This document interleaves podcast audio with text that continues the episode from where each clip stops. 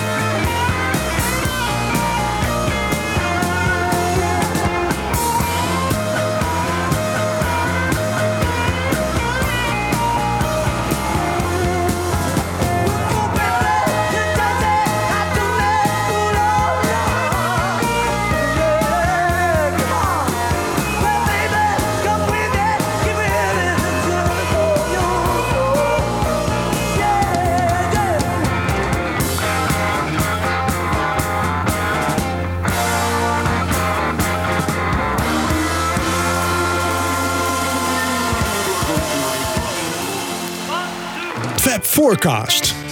Lekker, dat was Mambo Wings live in Antwerpen. Ja, een van de tracks op het bekende Wildlife album. En eh, ja, de tafel is bijna te klein hier om alle boxen te herbergen. Maar eh, ze passen er allemaal nog net op. We gaan het vandaag over dat eh, Wildlife album hebben. Met, ja, Allereerst natuurlijk Wiebo. en. Jakkees. En hij schuift weer eens een keer gezellig aan. Het Jor- is Jorik. Ja, Jorik. Jorik van Noorden, welkom hier. Ja, hoe beland jij nou weer hier? Ik kan me herinneren dat we in november die White albumavond hadden. En dat we eigenlijk een dag later van jou een e-mail kregen met het verzoek om een vergelijkbare avond te organiseren. Maar dan rond het Wildlife album. Dat, dat leek jou nou heel leuk. Ja. ja. Ja, ik dacht zo'n White Album avond, eh, ja, dat had je waarschijnlijk driedubbel kunnen uitverkopen. Dat was heel snel gebeurd. Dus ik dacht, nou, dan moet je er ook wel eentje kunnen uitverkopen Voor Wildlife. Ja. Wij hadden daar iets meer twijfels bij. Ja, ik denk diplomatiek antwoord eh teruggemaild. Ja. Ehm, maar wie weet, wie Ja. weet. Ja. Kijk, we gaan Abbey Road natuurlijk nog doen. En eh, Ja. er komt vast nog een keer zeker een moment in de toekomst dat we ook over solo-avonden, solo-albums eh, avonden gaan organiseren. Maar we dachten, laten we gewoon eens klein beginnen en je even hier in de studio uitnodigen om te praten over, eh, over dit album waar je een bijzondere passie voor hebt. Dat zullen we nog wel horen. En een mo- mooie aanleiding is natuurlijk inderdaad het verschijnen van die twee boxen Red Rose Speedway en Wildlife. We gaan ze allebei met je behandelen. Dus in deze show doen we het Wildlife album en de volgende show Red Rose Speedway. En de boxen, jij hebt ze allebei, eh, ja ik zie ze hier liggen. Je hebt ze gewoon hè. Niet de hele dure versie, las ik al. Maar dat had weer een reden. Nee, klopt inderdaad. Ja, ik vond het toch, ja, ik vond het toch net te ver gaan. Net Ja. te duur. Dus ik heb het eh, bij deze twee boxen gehouden. Ja. En ik ben ontzettend blij met de boxen. Het zijn hele mooie boxen. Weer veel foto's, veel informatie, grote boekwerken. En dit keer is ook ja, het bonusmateriaal, het audiomateriaal wat mij betreft... eh, Erg goed. Eh, Ja, in het verleden vond ik bijvoorbeeld McCartney 2 een hele goede archive collection. Daar kregen we ook veel cd's met, met veel materiaal. Ehm, soms waren er ook edities waarbij er wat minder goed Ja. materiaal was. Denk aan McCartney met Womankind en zo. En ja, deze boxen, die, daar pakken ze echt mee uit. En ik denk dat dat te maken heeft met de verhuizing naar eh, Universal. Ja, althans, Concorde viel ook onder Universal, maar nu is hij formeel naar Universal gegaan. En ik denk dat die. eh, Die pak wat meer uit of zo. nou, ik denk dat die wel wat andere plannen, een ijs op tafel hebben gelegd, wellicht. Ja. Ja. Zou Band on the Run ooit nog een keer een heruitgave van Ja. de archive? Want die was al vrij pover eigenlijk, hè? Je die vergelijkt. het zou me ook niks verbazen als dat zou Nee. gebeuren. Ja, eh, ze hebben het natuurlijk altijd gehad over die rehearsal tapes die in Schotland zijn gemaakt. Met nog eh, Danny erbij en met nog Henry erbij. Ja. En ja, die zijn bijna mythisch geworden. Er is nooit een noot van gehoord. Dus Nee. het is Nee. de vraag of het dan bestaat. Maar ja, dat Nou ja. zou toch moeten Of bestaan. ooit dat cassettebandje, Ja, dat uit, eh, opduikt in... eh, Maar dat moet ergens vandaar. Ik bedoel, hij heeft het niet op een cassettebandje waarschijnlijk toch opgenomen. Dat neem ik toch niet aan. Ik Ja, bedoel, waarom hij zal niet? dat. Nee, Heeft denk dat ik nog ook ergens? dat moet toch een mastertape of zo weer hè, van die demo's. En Ja, ik, ik, kan, ik kan me niet voorstellen. Ik geloof wel dat het archief in die tijd heel slordig was. En eh, daarom zie je ook dat er zoveel gebootlegd is uit die jaren en niks meer van de laatste twintig jaar. Maar ik geloof niet eh, dat hij zo dom was om de enige kopie mee te nemen naar Nigeria. Nee. nee, nee. Oké. Nou, Dus, dus die, missen we nog. gewoon. Ja. Maar goed, ze pakken nu enorm uit inderdaad. Het is, eh, ik heb weer bij de Wildlife ook weer het gevoel... misschien was ook weer niet zoveel. Hè? Er komt niet heel veel exclusief materiaal bij kijken. Dus, eh, we krijgen hier een, eh, twee cd's met, eh, met bonus audiomateriaal... en een dvd met wat geinige kleine opnamen. Ja. Ehm, ja, inderdaad een dure, een dure aanschaf. Eh, ja, Wibo, jij hebt nog een leuk berichtje op Facebook gezet... hoe het bij ons is gegaan. Ja. Ehm, ja, jij- Moeten we dat nog even kort... Ja, Ja. ja, licht dat even toe, Wiebo. Nou, ja, ik werd op een gegeven moment door Michiel gebeld en die zei van... Heb je die prijzen gezien van die nieuwe McCartney-box? Ik zei, nee, wat dan? Ja, man, we hebben 380 ja, euro. 380 euro. Ja, is hij gek geworden? Waar is hij mee bezig? En Voor twee B-platen uit de Ja. jaren 70. En, eh, ja. ja, dat ga ik echt niet doen. En dan met die speciale editie nog. Ja, echt belachelijk. En toen... eh, de volgende dag toen sms hij van, eh, of dan ging ik van, ja, ik zit toch te twijfelen, Michiel. en dat Michiel zei van, ik heb hem al besteld. Ja, en toen nee. ik vijf minuten later, shit, ik nu ook. Ja, Ja. nou, toen hadden we hem al besteld. Ja. Ja. Nee, bij mij ging het zo dat ik in de, inderdaad in de auto zat met mijn eh, vrouw op weg naar vakantie. En ik las een bericht op Facebook dat hij bijna was uitverkocht op bepaalde uh, adressen. was het ook, ja. ja daar, was Ja. Ik, daar, daar, daar kan ik eigenlijk niet tegen, tegen dat soort berichten. Dan denk ik, ja, verdomme, ik moet, ik moet er nu echt bij zijn, anders krijg ik eeuwig spijt. En toen maakte mijn vrouw ook nog een opmerking. Die zei van, nou weet je, het mag wel. Want zei ze, ik ga uiteindelijk de kosten van jouw begrafenis ermee betalen. Met, met, het, met de verkoop van al die boxen. en toen dacht ik wel dat is van, nou, dat is eigenlijk best een goede deal. dus ik ben dood en zij gaat al die boxen verkopen. En dan heeft ze gewoon, volgens mij bij zo'n begrafenis ook best duur. En vaak is het heel waardevast investeren in Ja. kunst. Hè? Ja, ja. Daar kun je wel een goede begrafenis van geven, denk ik hoor. Ja. Nou, ik denk ook van, eh, ja. juist omdat ze- die begrafenissen wel duur zijn, is het wel een aanmoediging om, om hele dure boxen te blijven kopen de komende jaren. Nou, het beste excuus dat ik ooit heb gehoord. Ja. Dus eh, probeer het ook een keer thuis, zou ik zeggen. Maar je hebt hem nog onderweg naar je vakantiebestemming. Heb je hem nog Ja, ik heb besteld? hem inderdaad via telefoon snel besteld. En eh, bij een of ander Duits adres. En eh, nou, dat is goed gegaan, gelukkig. Ja. Ehm, maar goed. Eh, we gaan even, ik bedoel, Wildlife, ja, je hebt, heeft een bijzondere plek in jouw hart. Eh, misschien niet meteen in je top 10, of eh, wordt, het dan, wordt het dan als ik je echt het mes op de keel zet van eh, hoe, hoe Nee. hoog heb je hem staan? Niet heel hoog, maar dat zegt weer niet zoveel.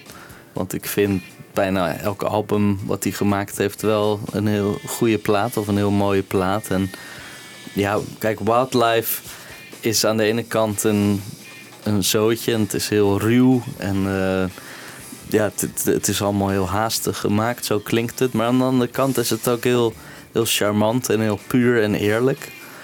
En ehm, ja, ik vind het toch wel een heel bijzonder tijdsdocument of zo. Ook in de discografie en ook in, als je het in de tijdlijn plaatst, dan ja, ik ben er doorheen gegaan vlak voor deze box uitkwam. En toen heb ik het weer eens beluisterd. En toen had ik eigenlijk zoiets van ja, er staat eigenlijk wat mij betreft geen slecht liedje op.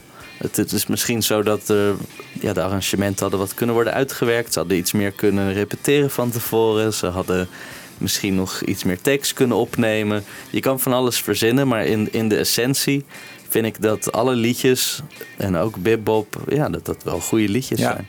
Ja.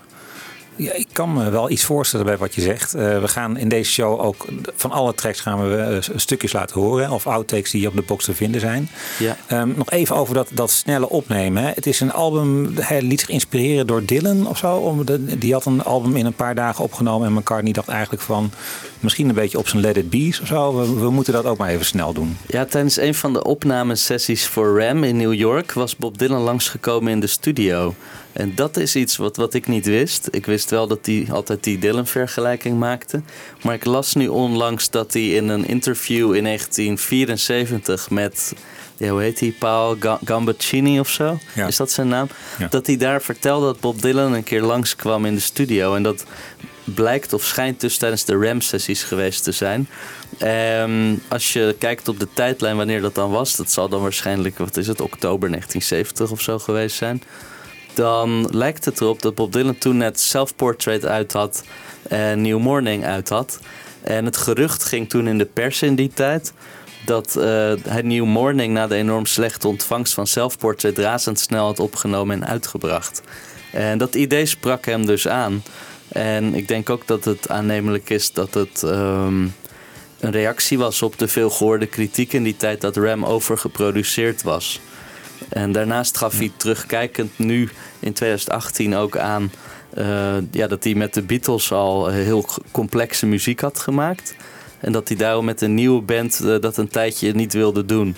Nou ja, ik denk dat we dat met een korreltje zout moeten Ja, nemen. denk ik ook, ja. Maar Ja. ik denk wel dat die eerste twee argumenten wel eh valide zijn. Zullen we even luisteren naar wat Paul zelf over die Dylan-invloed zegt? I had read that Bob Dylan had just made a quick album.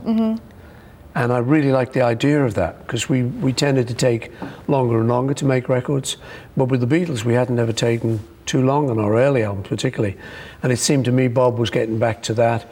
He just said, oh, you know, let's cut all the bull. Mm-hmm. Let's just go in, right, do the songs, get it over with, sing it good, and go home. Mm-hmm. And that appealed to me. So I just got the band together and said, you know what, we should make this quite quickly. Mm-hmm. It's not fuss. You can do it if you set your mind to it. It's a different way of recording. It's almost like doing it live. But that was why, because I'd heard that Bob Dylan had done it and I was a great admirer of his. To this day, I just thought, "Man, it's good enough for him. What a good idea. Let's do it. Ik vind dit heel grappig, want dit is eh, volgens mij uit Wingspan hè, in 99. En dan vertelt hij dat verhaal alsof hij het nog heel helder voor de geest heeft. Maar heel vaak is dat niet zo. En zo kwam ik bijvoorbeeld eh, toen ik research aan het doen was over wildlife tegen.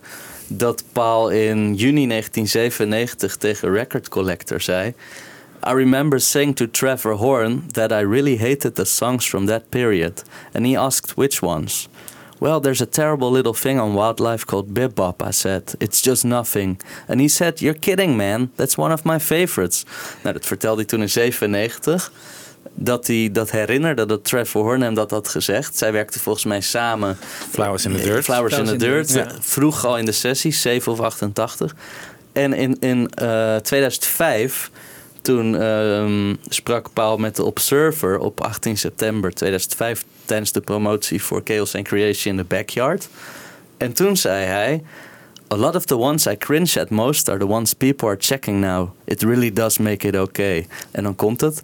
A friend of mine, Trevor Horn, said to me recently, So, what's the worst thing you've done, Paul? And I said, Well, there was this little song called Bip Bop. En wow, that's one of my favorites. Dus zegt Trevor Horn dan. Dus zo zie je inderdaad hoe dat verandert. Want Ja. dat- dan zegt hij van... eh, a friend of mine, Trevor Horn, said to me recently. Terwijl hij in, in 1997, dus acht jaar eerder, zegt... I remember saying to Trevor Horn. Ja. Nou ja, zo gaat het natuurlijk Dit is heel constant. leuk, ja, dit is hij, heel hij, leuk, ja. hij heeft een vage herinnering, maar... Ja.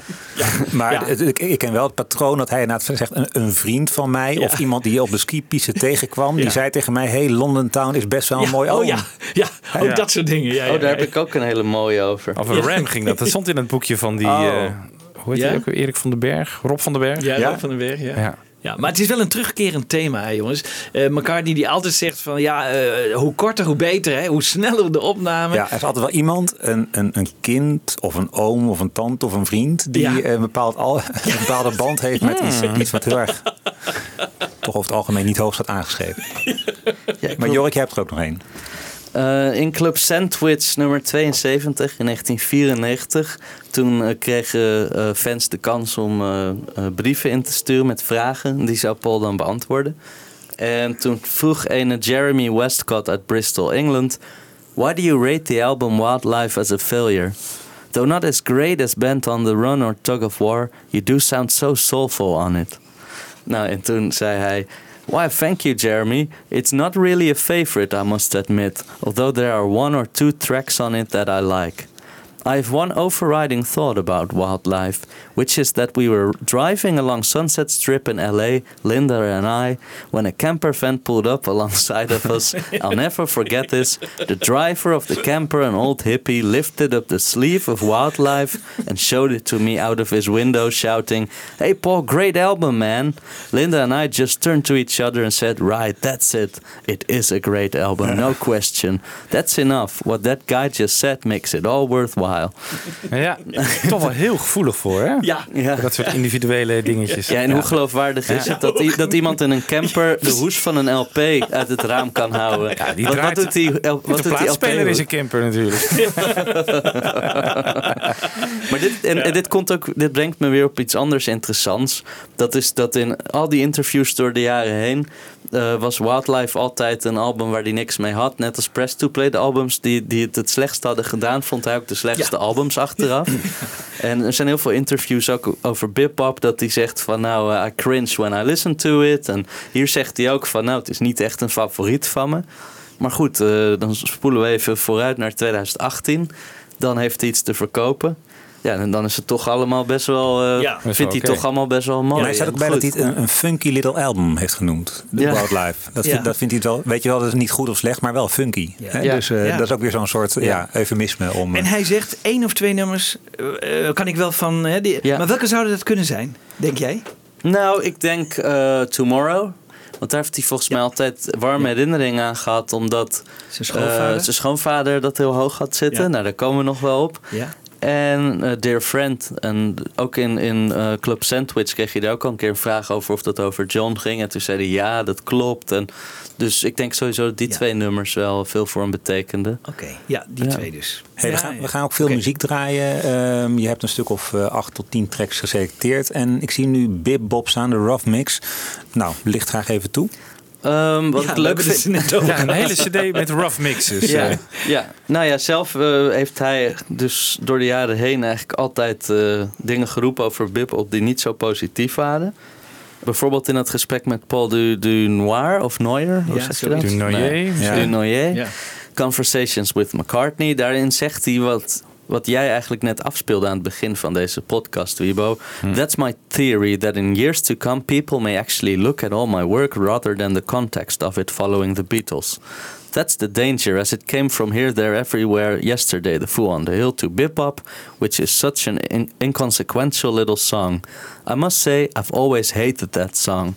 Dat is dan een paar jaar geleden, denk ik. Maar goed, nu was hij in die You Gave Me the Answer aflevering van 29 oktober 2018 wel wat positiever over.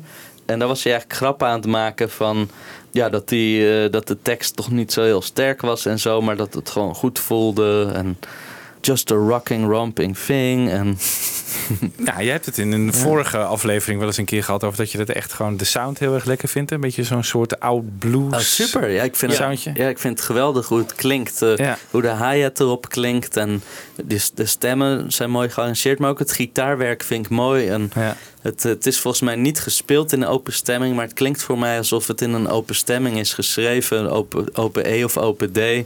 En als je je gitaar zo stemt, dan kun je zo het melodietje erbij spelen terwijl je alle snaren aanslaat. En Ja. zo klinkt het een beetje. En ik denk ook dat hij in die tijd wel luisterde naar dat soort dingen.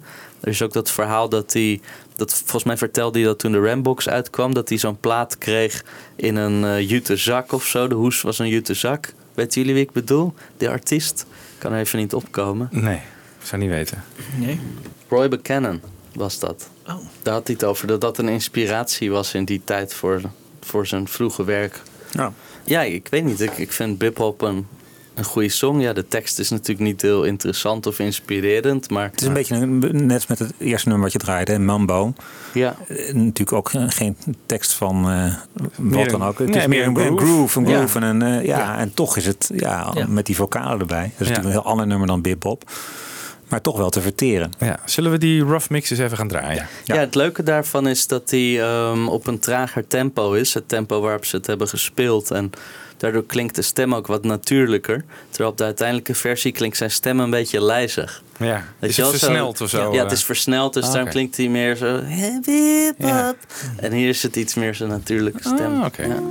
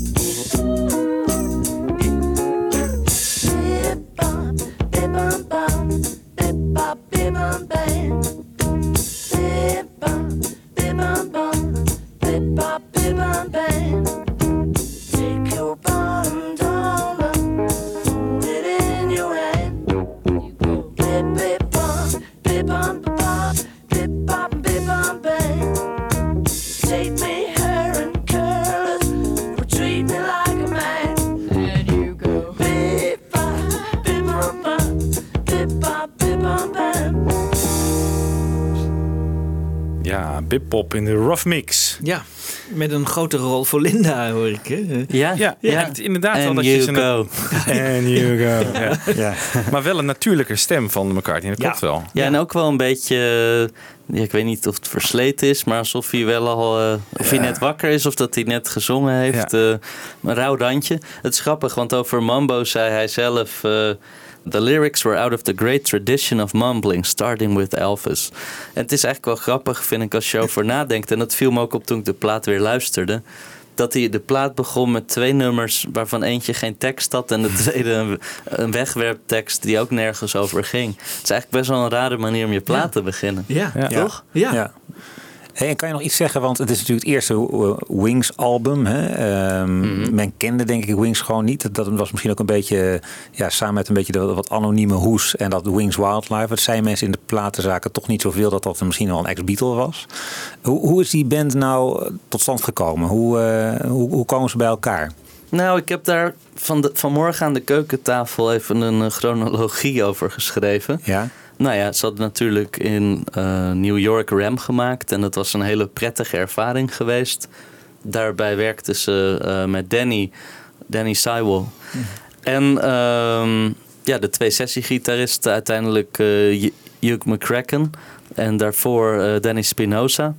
En dat was een hele prettige ervaring geweest. En eigenlijk omdat ze met een klein clubje vaste mensen aan die plaat werkten... was het bijna als een band geweest. En nou ja, aanvankelijk had hij volgens mij ook het idee om een tv-special over Ram te maken. We zagen ook in die box van Ram zo'n hele tracklist wat hij voor ogen had. En dat had hij dan toch willen doen met die mensen ehm, waarmee hij die plaat gemaakt had. En nou ja, toen besloot hij om een band te beginnen. Toen was Linda volgens mij de eerste die hij op een ochtend volgens de overlevering in bed vroeg van hoe je het vinden om in een band te zitten.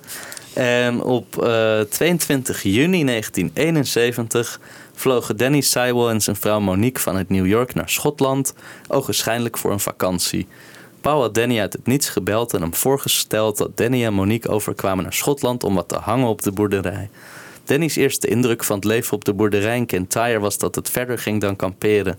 Het was zelfs in juni nog zo koud dat je moest slapen met een kruik met heet water. De weg naar de boerderij was zo slecht dat de onderkant van de huurauto erdoor geruïneerd werd. Het huis van de McCartneys bestond uit twee slaapkamers en een cementvloeren keuken. Is dat waar een rockster leeft? vroeg hij aan Paul. Danny Lang kwam een paar weken later langs. En zijn indruk was dat de boerderij net als de opnamestudio diende als een toevluchtsoord om te ontsnappen aan het publiek. Maar kort nadat eh, Danny en Monique aankwamen, arriveerde Ram sessiegitarist Hugh McCracken en zijn vrouw Dominique. En hij had net een Europese tour gedaan met eh, Spooky Tooth zanger Gary Wright, een latere vriend van George Harrison. En ook hij dacht dat hij in Schotland was voor een vakantie. En toen de twee Amerikaanse koppels aan het eind van de dag aanstalten maakten om te vertrekken op een dag, toen eh, nam Linda Danny en Hugh apart en vroeg ze of ze het goed vonden om de dag erna terug te komen om wat muziek te maken en hun vrouwen thuis te laten. En de volgende dag kwamen ze dus langs om te spelen en jamden ze op oude rock'n'roll nummers. Na afloop vroeg Paul de twee direct of ze het zouden zien zitten om een band te vormen. En Danny Seiwell zei direct ja en Hugh McCracken vroeg of hij een nachtje over mocht slapen. En toen ze Paul de volgende dag ontmoette op de boerderij sloeg eh, Hugh het aanbod af. En Paul en Danny waren vrij gechoqueerd geweest door zijn afwijzing. En uh, Hugh en zijn vrouw die vlogen toen op 5 juli terug naar New York. En Danny en Monique volgden op 6 juli in afwachting van Paul's volgende telefoontje. En toen op 14 juli belde Paul Danny Seiwell op om te vertellen dat hij een oude vriend van hem genaamd Danny Lane erbij wilde halen. En toen vroeg hij hem om zo snel mogelijk terug te keren. Ja. Een week later, op 20 juli, arriveerden zij toen in Schotland. En ehm, ja, toen op 21 en 22 juli volgden de eerste repetities meteen in Root Studio op de boerderij. En na de afwijzing van Hugh had eh, Paul aan verschillende mensen gedacht, waaronder Joe Cocker. Eh, maar niemand bleef in zijn gedachten hangen behalve Danny Lane. Dat was natuurlijk een oude vriend van Paul uit de jaren 60. En ja, Danny Lane dacht ook achteraf dat Paul hem erbij wilde hebben... omdat hij wist dat hij, dat het proces van bandvorming zou versnellen. Omdat zij elkaar al goed kenden uit die tijd en vrienden waren... Ja. met een gemeenschappelijke historie. Het grappige is dat ik, ja, ik, ken, ik ken die verhalen eigenlijk niet zo goed van, van die paden van McCartney en Danny Lane die elkaar kruisen in de jaren 60. Daar lees je in de Beatles boeken niks over. Hè? Of, hè? of heeft Moody Blues wel in een voorprogramma van de Beatles gestaan? Ja, zeker. Ja? Ja? in 65 volgens mij. Ja, ja, dus daar, daar is het misschien wel een soort... eh, Nou, het schijnt dat ze ook gewoon eh, in, in kroegen en clubs samen hingen. ja, ja. Uitgingen samen in een Ja, ja. vrije tijd. En Ja. dat is denk ik niet gedocumenteerd. En eh, volgens mij trad Danny Lane ook met zijn Electric String Band op... op dezelfde show dat Hendrix speelde in juni eh, 67. En daar heeft Paul hem dus zien spelen toen met, met Say You Don't Mind en zo. ja, ja. Dus ze bleven elkaar wel tegenkomen, ja. Maar, jij Maar- zei maar- net Joe Cocker, zei jij. Van, Ja. Heeft hij die overwogen om bij de band te halen? Ja, dat, ja, dat staat Ja. in het boek van dat is Wildlife. Ongelooflijk. Het is een, een gekke keuze, omdat hij Ja. geen instrument speelt. Nee. En, en, Nee. En En niks kan schrijven. Een zanger is, eh, ja. Dus dat vind ik heel apart. Ik weet niet hoe dat zit, maar ik vind wel heel interessant dat Danny Lane tweede keus was, eigenlijk. Ja. Toch? ja, hij is heel interessant. Want als je, als je het dan zo leest in het boek, dan was het er enorm dichtbij dat de, de band geformeerd zou worden met Hugh McCracken. Zeker. Ja. Dat heeft Ja. weinig geschild. En nou ja, kijk, op een persoonlijk vlak. eh, Danny Lane eh, bleek een, een trouwe hond te zijn. En die heeft het natuurlijk volgehouden tot het bittere eind. Eh, maar je gaat toch nadenken over hoe, hoe het geweest was met Hugh McCracken. Ja. Ja. Want ik vind Danny een heel sympathieke figuur. En ook iemand die zeker wel wat kan. Hij heeft hele mooie nummers geschreven. En hij voegt echt iets toe met zijn stem aan, aan de blend van de Wings harmoniezang. ja. Maar Er komt hij, een hij maar. was, hij was ook, ja, het- het- ik vond hem ook eh, ontzettend slordig en, en sloppy. Hij was vaak out of tune, zijn gitaar was vals, hij zong vaak vals. Als je in het boek van Geoff Emerick leest, dan is dat ook niet zo positief. Dan staat er ook dat alles eindeloos duurde met Danny, eh, met, met zangopnames, omdat hij altijd vals zong. En ik denk eigenlijk dat Hugh McCracken muzikaal een interessante keus was geweest. En ook een sterkere keus, omdat hij echt een, een eh, brede gitarist was, die ook leadgitarist was. En Danny Lane was geen leadgitarist. Nee, klopt. Hij Ja. kon eh, mooi eh, fla- flamenco spelen door zijn tijd in Spanje. En dat deed hij dan in 79 ehm, op Good Night Tonight. Maar ja, eh, er was echt een probleem bij Wildlife dat er geen leadgitarist was. Dat ook als je die rough mix hoort, daar ontbreken eigenlijk alle leadlijnen bijna nog. Die heeft Paul allemaal zelf moeten doen. Dus het is eigenlijk ook een gekke keus wat dat betreft. Een soort tweede keus. Ja. Ja. Had McCartney allemaal demo's al geschreven, denk je? Voordat ze de studio ingingen? Eh, of zijn die nummers tijdens die periode ontstaan? Dat is een goede vraag. Dear Friend was een overblijver hè, van, Van Ram. Van Ram Ja, daar was al een demo van gemaakt. En Ja. eh, Some People Never Know eh, is al in 1969 geschreven. En eh, Benoit Dumet die schreef ooit, en die weet wel eens wat. ja, die weet wel eens En, wat, en die schreef ooit dat er een van de kanshebbers voor de McCartney-box was een demo-opname uit 1969, opgenomen bij Paul thuis ten tijde van de McCartney-sessies, waarop Paul dat als een duet doet met een eh, niet geïdentificeerde zanger. Oh, Dat zou ik heel graag willen horen. ja. Joe Cocker. Ja, en I'm Your Singer eh, speelt hij natuurlijk eh, al eh, in dat filmpje Ja, op ja. het farm. eh. Ja, dat was ook al eerder. Ja, dus dat is ook daarvoor volgens mij. En Dat is er vlak voor volgens mij, hè? Dat eh Hey Ja. Diddle speelt hij dan ook. Ja, en ja, Big is, dat, is dat mei of juni of zo? Ja. Ja, ook dat- 71. zomerse sfeer. Ja, dat is rond die tijd dat zij dus Ja. voor het eerst langskwamen naar de boerderij eigenlijk. Ja. Heeft hij nog een dikke baard eh, die tijd. Ja. Ja, Ja. voor mij gaat hij er vrij snel af dan daarna. Ja. Ja. Love is Strange is natuurlijk een cover. Ja. Ja. Wildlife eh, schreef hij denk ik wel in die tijd, maar ja, dat gaat natuurlijk terug naar die eh, safari naar Kenia Ja, in dat was in 66. 66. Ja. Ja. Ja. Ja. En ze gaan ook toeren een jaar later. Nou, een jaar later. Want we hadden nu even over... Ja, waar zaten we ergens in de tijdlijn? Wanneer, wanneer vormt die band zich? Ehm, ja, Wanneer is is de band rond? Juli, hè? Juli. Juli. Ja, de eerste repetities vinden op 21 en 71. 22 juli plaats. En het grappige is, en daaraan zie je toch wel dat het idee echt wel was om, om het zo te maken zoals het gemaakt is. Dat is geen foutje geweest, want op 21 en 22 juli hebben ze twee dagen gerepeteerd. En op 23 juli vlogen ze van Schotland naar Londen. Om op 24 juli in Abbey Road te beginnen met het opnemen van Wildlife. Ja. Nou, en, en, en dat vind ik dan ook wel gek, want eh, Paul zegt dus ook soms van, en dan zeker nu achteraf, van ik wil de vergelijkingen met de Beatles uit de weg gaan, dus ik ging anders schrijven. Nou, daar is voor een deel wel wat voor te zeggen. Eh, maar hij zegt ook dat hij eh, vergelijkingen uit de weg wilde gaan door geen complexe muziek te maken en zo. En dat de Beatles complexe muziek hadden gemaakt. Maar dan vind ik het toch wel grappig dat hij ervoor kiest om wel in Abbey Road te gaan opnemen met Ja. ze. En dat niet uit de weg te gaan. En eerst te gaan repeteren, want dat deden de Beatles eigenlijk ook nooit. Nee, dus dat was eigenlijk al heel wat. Dus Ja. het zou ook heel goed kunnen dat hij gewend was van... eh, we hoeven niet echt te repeteren en we doen het wel in de studio. Het komt wel goed. Ja. En Ja. dat het misschien tegenviel of misschien... Of dat hij misschien wel dacht, ja, die band is toch niet heel erg op elkaar ingespeeld. Laat ik maar een vertrouwde omgeving zoeken. Heb ik dat in ieder geval een Ja. beetje als basis. Want die studio die ken ik. Mhm. maar, maar misschien voor de anderen juist heel intimiderend. Ja. Kan ik me voorstellen. Dan Linda ja, met maar haar daar heeft hij beperkte denk ik ervaring. niet, daar heeft hij niet eens over nagedacht, denk ik. Nee, Nee, ja. Nee. Een waas van uh, marihuana dampen. Nou, inderdaad. Ja. En geen producer. Geen producer. En eh, ja, je had gewoon eh, Tony Clark in de booth met eh, Alan Parsons, Oh ja, geloof ik. En gewoon als technici eigenlijk. Teken Tony. Alan Parsons en Tony Clark waren de engineers. En ze namen dus op onder het pseudoniem Sam Brown. En op een van die sheets staat ook eh, plus Samantha Brown. Nou, dat moest dan Linda zijn, denk ik.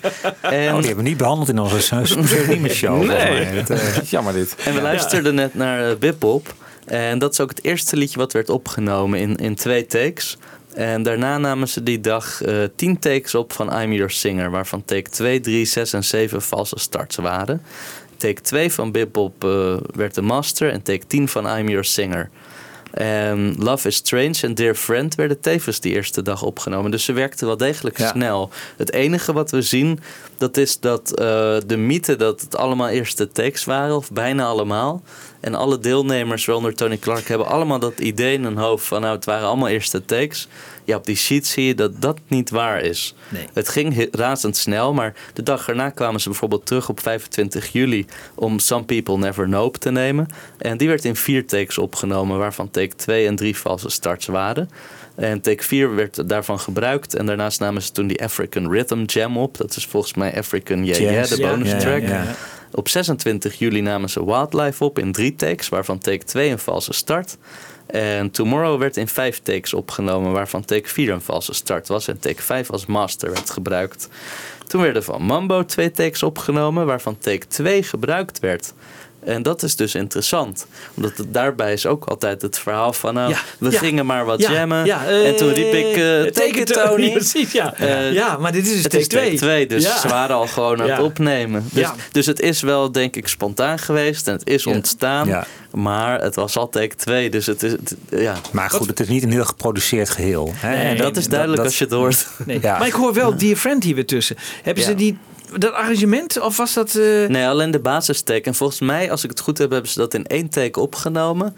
op, aan de piano. Dus Ja, ik dacht Paul altijd dat het- piano en zang. en dacht altijd Danny dat het- Seibel op eh, vibrafoon. Ja, ja. Eh, en volgens mij ja, misschien nog Danny Lane op bas. Lange tijd werd er gedacht dat het een Ram outtake Ja, was. Ja, ja. Dat blijkt dus niet zo te zijn. Nee. Nee. Er wordt wel beweerd dat er een demo toen is opgenomen, maar dit is echt een wildlife opname toch? Terwijl het klinkt inderdaad heel anders, ook Ja. door het orkest. En in het boek Ja. staat ook dat ze daar heel erg over getwijfeld hebben of ze dat moesten eh, doen, dat orkestreren van het nummer, of dat wel paste bij de sfeer van de plaat. En er zijn ook verschillende mixen gemaakt vervolgens door Paul, waarbij hij allemaal stukken wegliet van het arrangement. En dat heeft hij ook gedaan bij de uiteindelijke versie. En onlangs is dus een eh, versie als download beschikbaar gesteld, waarbij je het hele orkest hoort zoals dat door Richard Hewson is gearrangeerd. Zullen we dat als gewoon nu draaien? Prima toch? Ja, dat, eh, Ja, en, en wat wel grappig is, is toen ik dus dat boek las, eh, voordat dit uitkwam online als download, toen dacht ik, ja, waarom, waarom hebben ze dat niet bij de box gedaan als ze het erover hebben hoe mooi dat is? En toen begreep ik dus pas een paar weken later, ah, Het is moet als download. Ja, wat wel echt een behoorlijk irritant is. Als ik Nee, eerlijk mag zeggen. ja, vind Ja? ik ook. Ja. Dat soort demo's. Zet hem gewoon op de box. En ook zulke mooie verdorie. Nou, ja, maar, maar, maar eh, is er een, een Fab Forecast waar mensen het kunnen Ja. horen. Zo Ja. is het. En ze blijven ook op de site staan, niet downloads trouwens. Hè. Dus, eh, Ja, dat is waar. Ja. En ook in Fab Forecast. Ja, overigens, hij zegt iets. En hier, dit lijkt wel een beetje een soort ruwe opname, want je hoort zelfs een beetje ervoor, geloof ik nog. Even iets. eh. Oké, we gaan luisteren.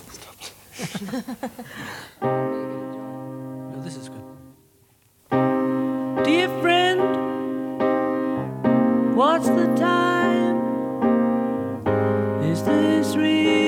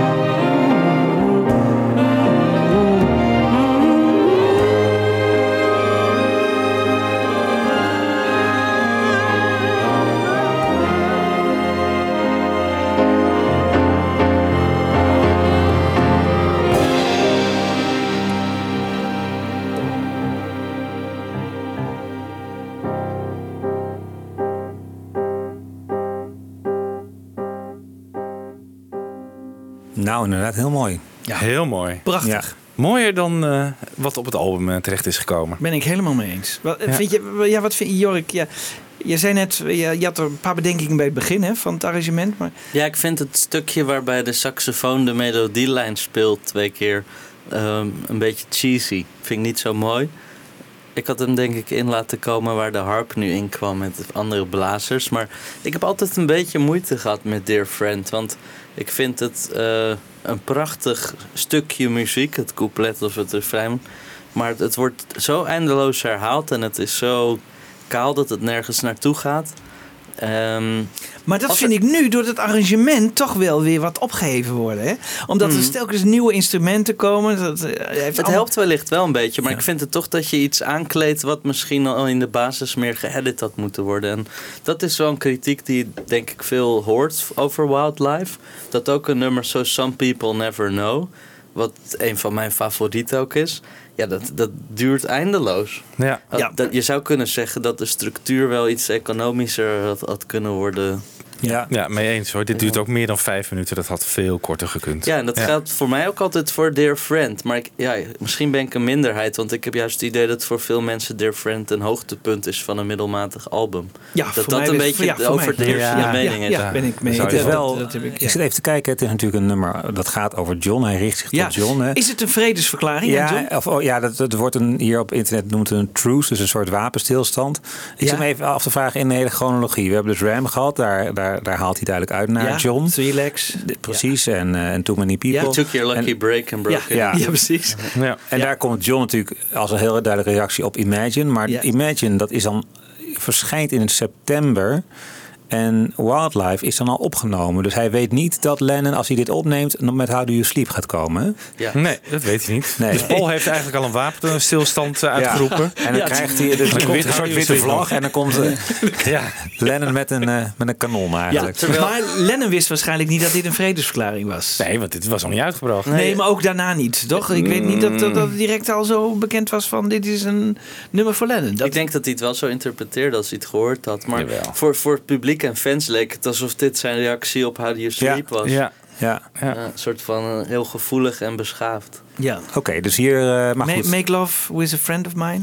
I'm in love with a friend of mine. Dat is Linda Ja. dan. denk Really, truly, young and newly wed. Ja. Hij zei ook in de You Gave Me The Answer laatst dat hij die tekst eh, wel emotioneel vond om te horen.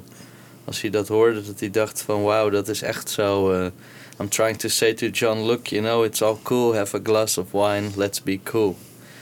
En dan zegt hij, and luckily we did get it back together, which was a great source of joy. Ja, met de jaren is dat steeds meer het verhaal Ja. geworden. Hè? En Ja. terwijl in die tijd en ook de eerste interviews in 84 en zo, volgens mij was het toen nog helemaal niet zo in Nee, het was je nog wel boos. Had ik het idee ook Ja, nog en volgens mij Ja. vond hij het ook vervelend dat het nog niet helemaal goed was geweest. En dat hij niet wist of hij nou wel echt van eh, Paul had gehouden en hem echt een vriend vond. En, maar ja, naarmate hij ouder wordt, is het toch altijd zijn verhaal geworden Ja. van eh, gelukkig is het nog goed Ja. gekomen. Ja. Ja. Ja. In hoeverre dat echt zo is, weten we niet.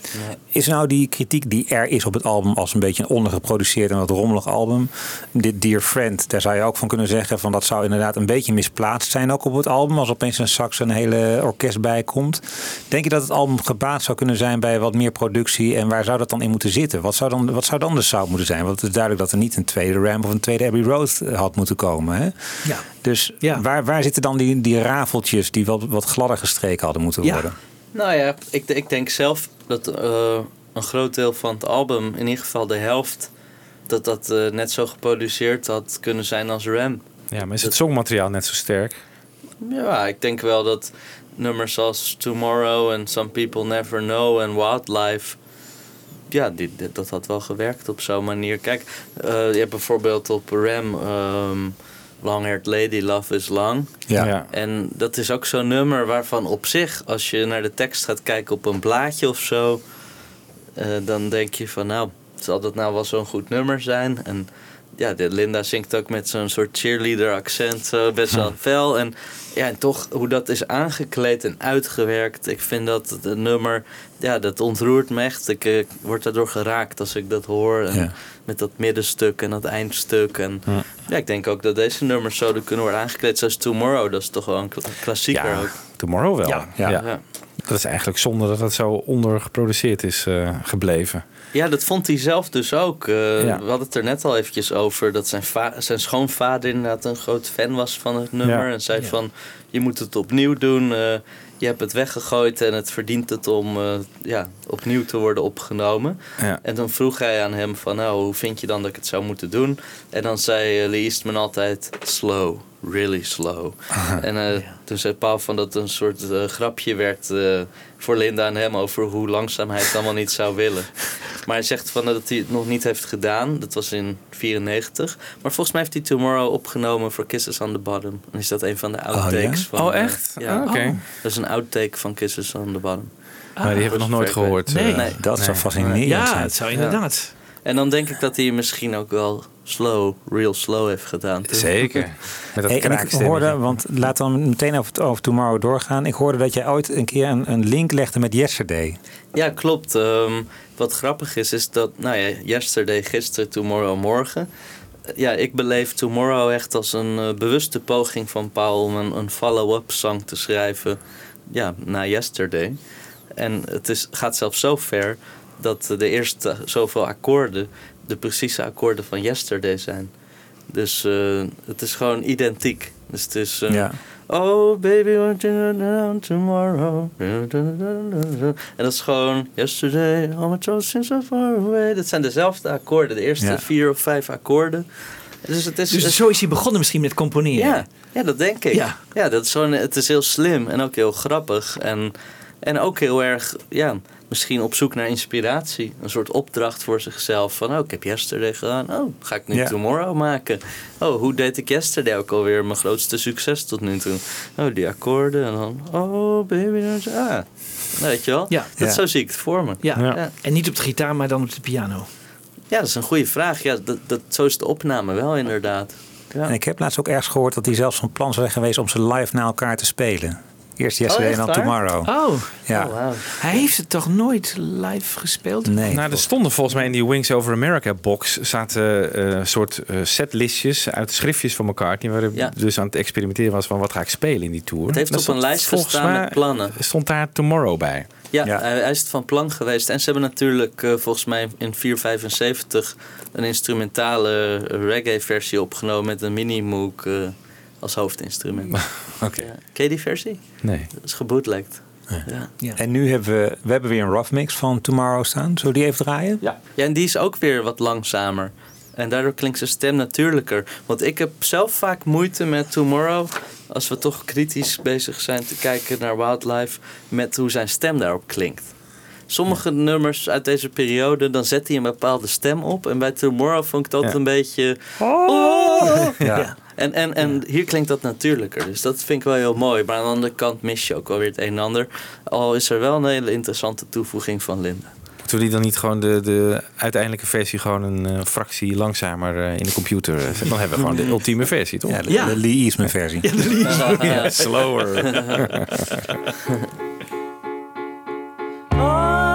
Oh, baby, don't you let me down tomorrow. Hands, we both abandon sorrow. Oh, for a chance to get away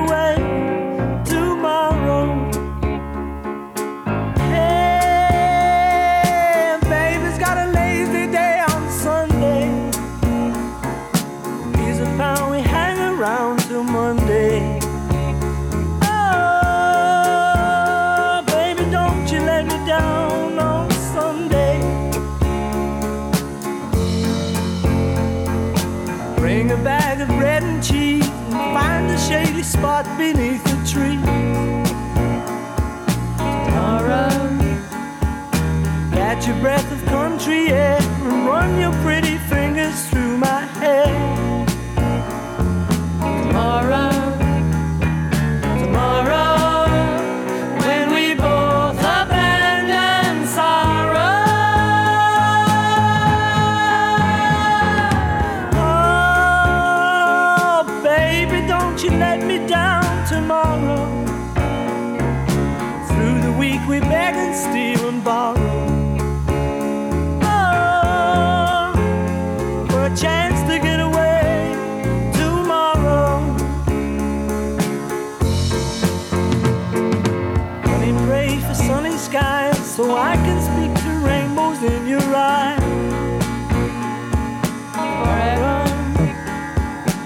It's just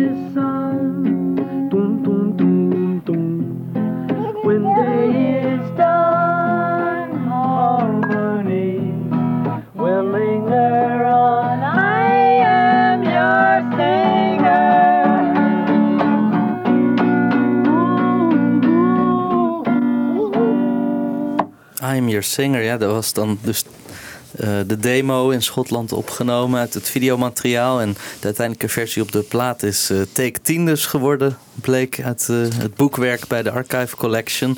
En ik heb een nieuwe waardering voor dit nummer gekregen door de boxset en ook door deze uitvoering.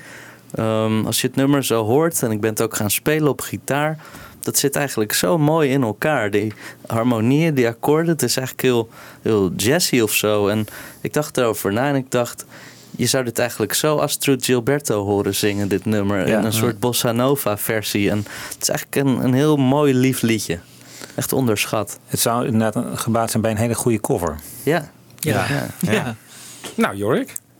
Dat, dat is wel aan jou al besteed. Nou, je als download only op je site doen. Ja, wie weet. Ja. Nee, het is echt een prachtig nummer ik eigenlijk. vind die tekst trouwens ook mooi. You are my song, I am your singer. Ja. Dat is een heel Ja. mooie Ja. manier om, een mooie metafoor om iemand de liefde te verklaren. Ja, Ja, en, en ook heel onschuldig met dat kling, kling. Ja. Ja, Ja. Ik vind het super mooi. En Ja. de versie op de plaat, ja, die is zo kaal en minimalistisch. En ook Linda klinkt soms een klein beetje onzeker of zo erin. Maar hij is wel heel charmant ook met al die eh, fluiten en zo. Maar als je dan ook die demo hoort en die live versie op de box.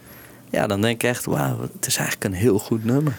Het valt mij ook op dat Linda is, is veel eh, prominenter aanwezig als zangeres dan op Ram. In die zin, in Ram is het meer geproduceerd. Zijn de stemmen veel meer op elkaar afgestemd en is het gewoon één, één duidelijke klank. En hier in Tomorrow Net, maar hier ook wel in, hoor je echt haar stemgeluid heel Ja. duidelijk. hè? Ja. Ja. Ja, en ik, ik, dat heeft ook wel wat. Ik vind dat zij het aardig doet, toch? Eh, Ja. Ik moet niet over haar toetsenwerk gaan hebben, maar Heeft dat ook te maken met dat ze met haar eh, op tournee willen en dat ze misschien een wat belangrijke rol krijgt dan? Ja, ik denk het omdat ze toch een, een officieel volwaardig bandlid was. En, maar ja, het, het is nogal wat. Zowel dat hij haar blootstelde aan dit proces met deze manier van opnemen met haar ervaring. Als dat zij dat durfde aan te gaan. ja. Door het zien van de Bruce McMouse DVD bij de Retro Speedway box. Ja, ben ik toch wel gaan denken van nou weet je wat. Ze was eigenlijk heel muzikaal. Ze, ze zit er vaak naast en zo. En er is ook wel volgens mij het een en ander gerepareerd aan de Wings Over Europe CD. Maar eigenlijk vind ik dat ze het best snel oppikt voor iemand die zo weinig ervaring had en meteen zo voor het publiek wordt geslingerd. Ja. Dus ik vind van, ze was technisch niet zo goed. Maar ik vond het eigenlijk wel heel muzikaal. Want ook die opnames van hun twee dat ze aan het zingen zijn op, eh, het farm in, op de boerderij in Schotland. Ja, dan, dan pakt ze allemaal tweede stemmen. En dat- Ja, dat pakt ze wel, op. En dan ja. zingt ze met hem mee. En het zit er soms wat tegenaan en zo. Maar ze, ze heeft wel een soort natuurlijk gevoel voor harmonie en dingen. En ja, ik vind, En dat ik vind van het wel muzikaal. Dat, we hebben het even over de andere box, want daar zit ze natuurlijk ook weer prominent op. Maar dat Seaside Woman vind ik dus een heel lekker nummer. Ja, echt. En dat heeft ze helemaal geschreven. En er is volgens mij later ook een die film bij gemaakt. En dan zit Ja. het op. En Ja. heel lekker Ja, deuntje dat. ja. ja. Ja. En zij bepaalt toch veel, ook voor een gedeelte de wing sound, hè? Ja, zeker later dat, dat zij al die mini-mook mocht doen en zo. Ja, maar ook met haar stem toch? Ja. bedoel. Want het is, daarna is dat toch eigenlijk afgelopen Ja. naar Wings. eh. Ja, ik vind die harmonieblend van, van Danny, Paul en Linda dat, een prachtige blend. ja. Ook op dingen als Holidays en zo. eh, Het is heel mooi. ja. Ja, Ja. Holidays, ja. Ja. Nog een keertje gaan checken. Ja, dan, dan zingen ze van eh, Little things you say and do make me want to be with you. En dan beginnen ze met zo'n a cappella ding met z'n drieën. Dat is hartstikke mooi. Ja. Ja. Ja. Dat ken ik in het geheel niet. We gaan een keer een show doen over Linda. Ja. Eh, 1976 voor, Michiel? Holidays? Ehm 77 volgens mij. Volgens Ja. mij kwam het uit eh, In- tussen Over Ja. America en... Ja, ja, eh, maar het is opgenomen dat dacht klopt, ik in de zomer van 76. ja, Maar dat is toch voornamelijk Danny Lane die dat zingt. eh. ja, maar, maar, maar Paul speelt bijna alle instrumenten.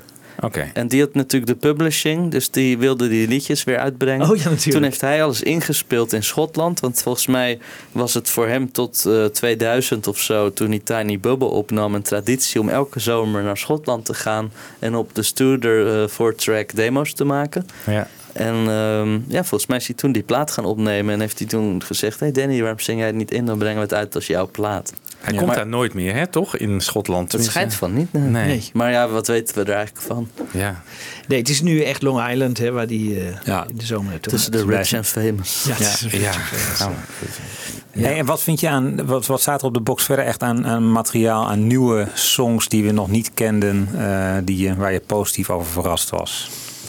Ehm, nou, ik vond het wel grappig dat het blijkt dat eh, tijdens die sessie op de boerderij van, van die film... dat er een versie is opgenomen van She Got It Good.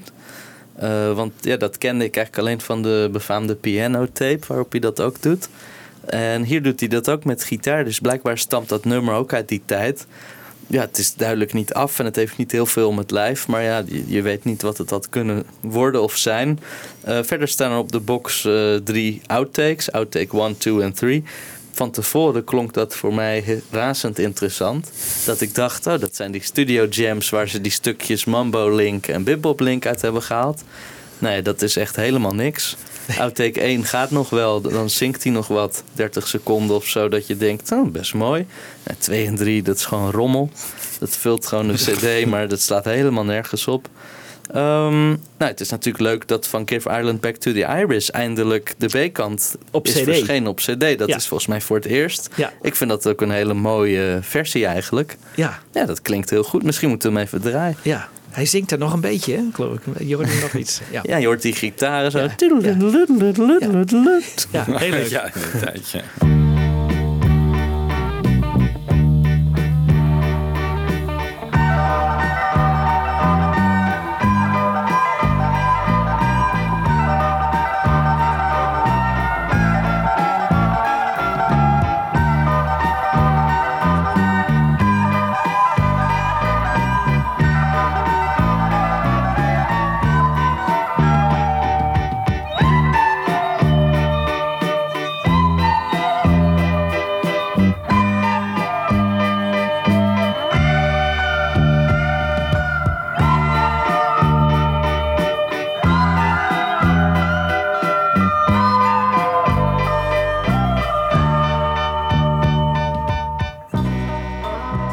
De B-kant van Give Ireland Back to the Iris. Ja, wie wel, ja. Ja, die fluiten dan. Dat is toch prima, man. Vreselijk. Dat vind ik, vind ik echt vreselijk. Ik vind het heel mooi en ook, ook Iers. ook. En Jan Kees, jij ook, hè? Ja, Ja. Nou, dan ga ik wel weg. Maar goed, eh, de outtakes dus. Eh, we zien verder nog eh, twee home recordings van Dear Friend. Eh, volgens mij waren die al gebootlegd op de Yellow Cat CD eh, Ja. Backyard Plus. Ja, klopt. Als ik het goed heb. Jongen, jongen. Ehm, dan eh, zien we verder The Great Cock and Seagull Race. Ook al bekend. Ook bekend, Ja. maar dat is wel interessant. Want die is natuurlijk eigenlijk later opgenomen dan de Wildlife sessies. Volgens mij in december 71, toen ze in New York een radiostation aandeden, draaiden ze dat. Ja. En dat hadden ze toen vlak daarvoor voor de lol opgenomen. Ehm, nou, dan zien we de single edit van Love is Strange. Dat is toch ook wel heel erg leuk, want dat is de, de single die nooit was. Ja. Ze hebben daar toen een, een single edit van gemaakt die uit zou komen. En dat ging toen op het laatste moment niet door omdat Give Ireland Back to the Irish eh, werd geschreven door de actualiteiten met eh, ehm, Sunday Bloody Sunday. Ja. Ja. Zeker. En Hmm. nou, dan sluiten we af met African Yeah Yeah. We noemden het net al eventjes. Dat werd eh, dus opgenomen op 25 juli aan het einde van de dag. En dan blijft er één outtake over. En dat is eh, voor mij het eh, onbetwiste hoogtepunt eh, van alle bonus audio van deze Archive Collection. En dat is de Rupert and the Bear outtake van de Ram sessies, voor zover ik weet. When the Wind is Blowing.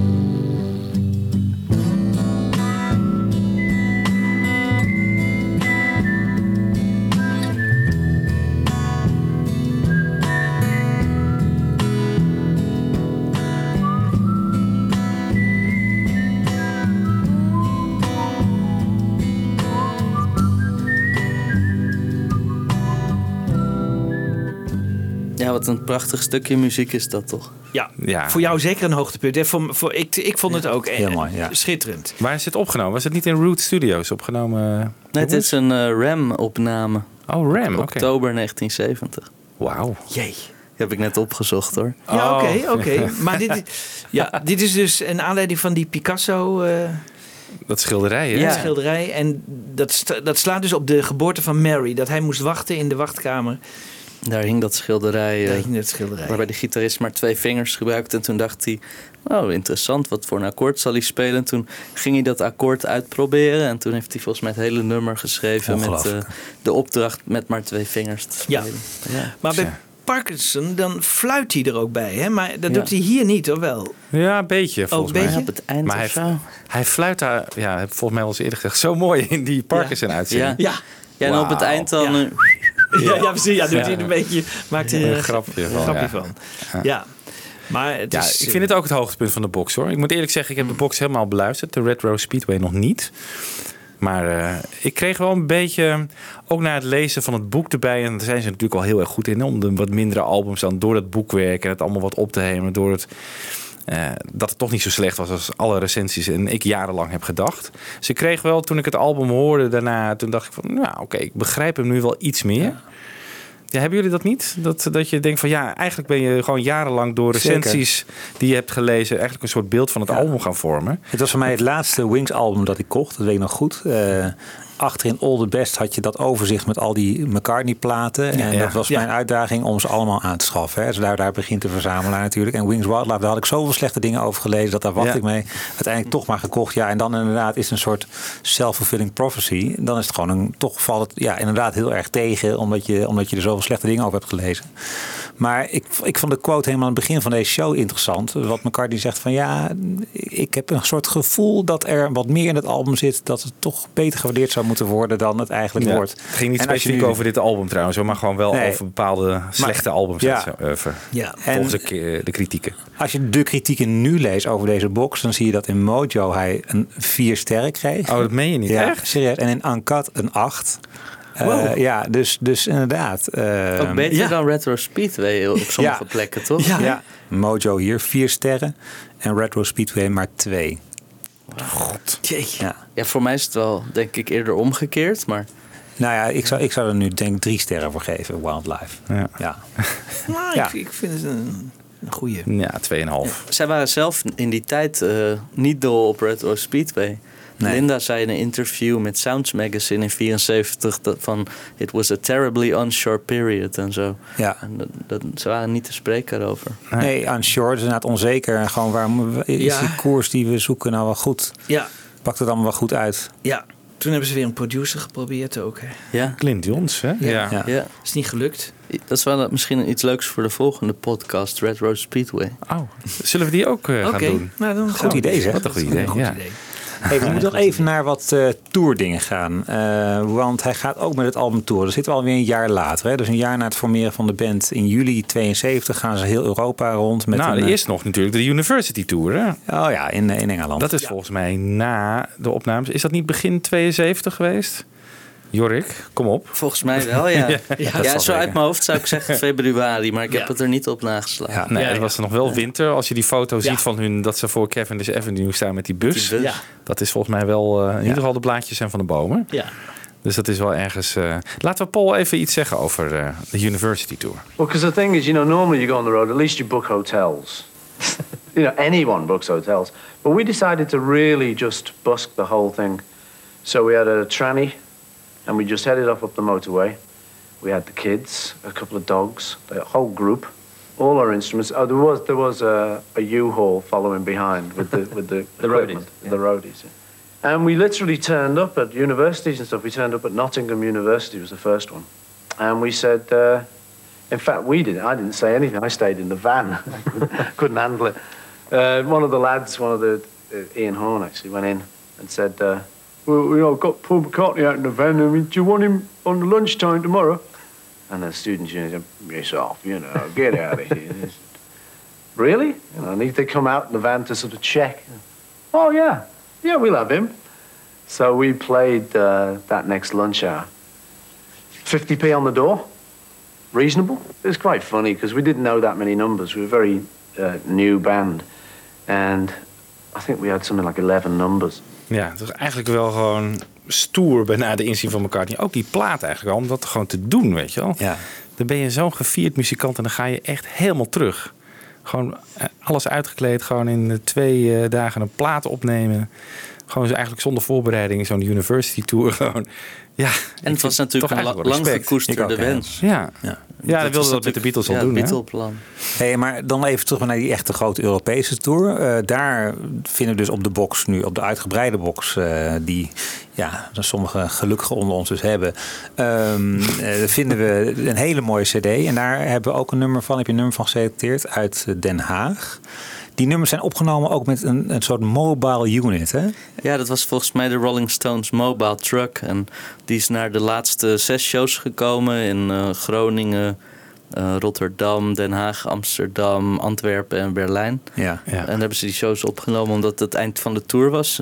Dus waarschijnlijk voelden die eh, ze goed over hoe ze speelden op dat moment. En was er ja, een mogelijk doel daarvoor.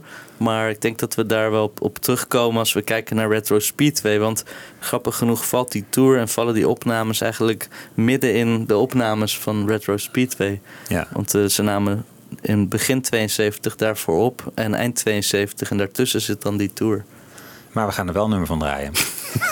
Ja, en wat voor nummer? De titelsong. Ja. De titelsong. Ja, Titelsong. Nou, een van, we een van de beste nummers van de plaat, Ja. vind ik. En Ja. hoe die hier zingt is ook eh, een carrière-hoogtepunt. Ja, wel iets te lang, toch?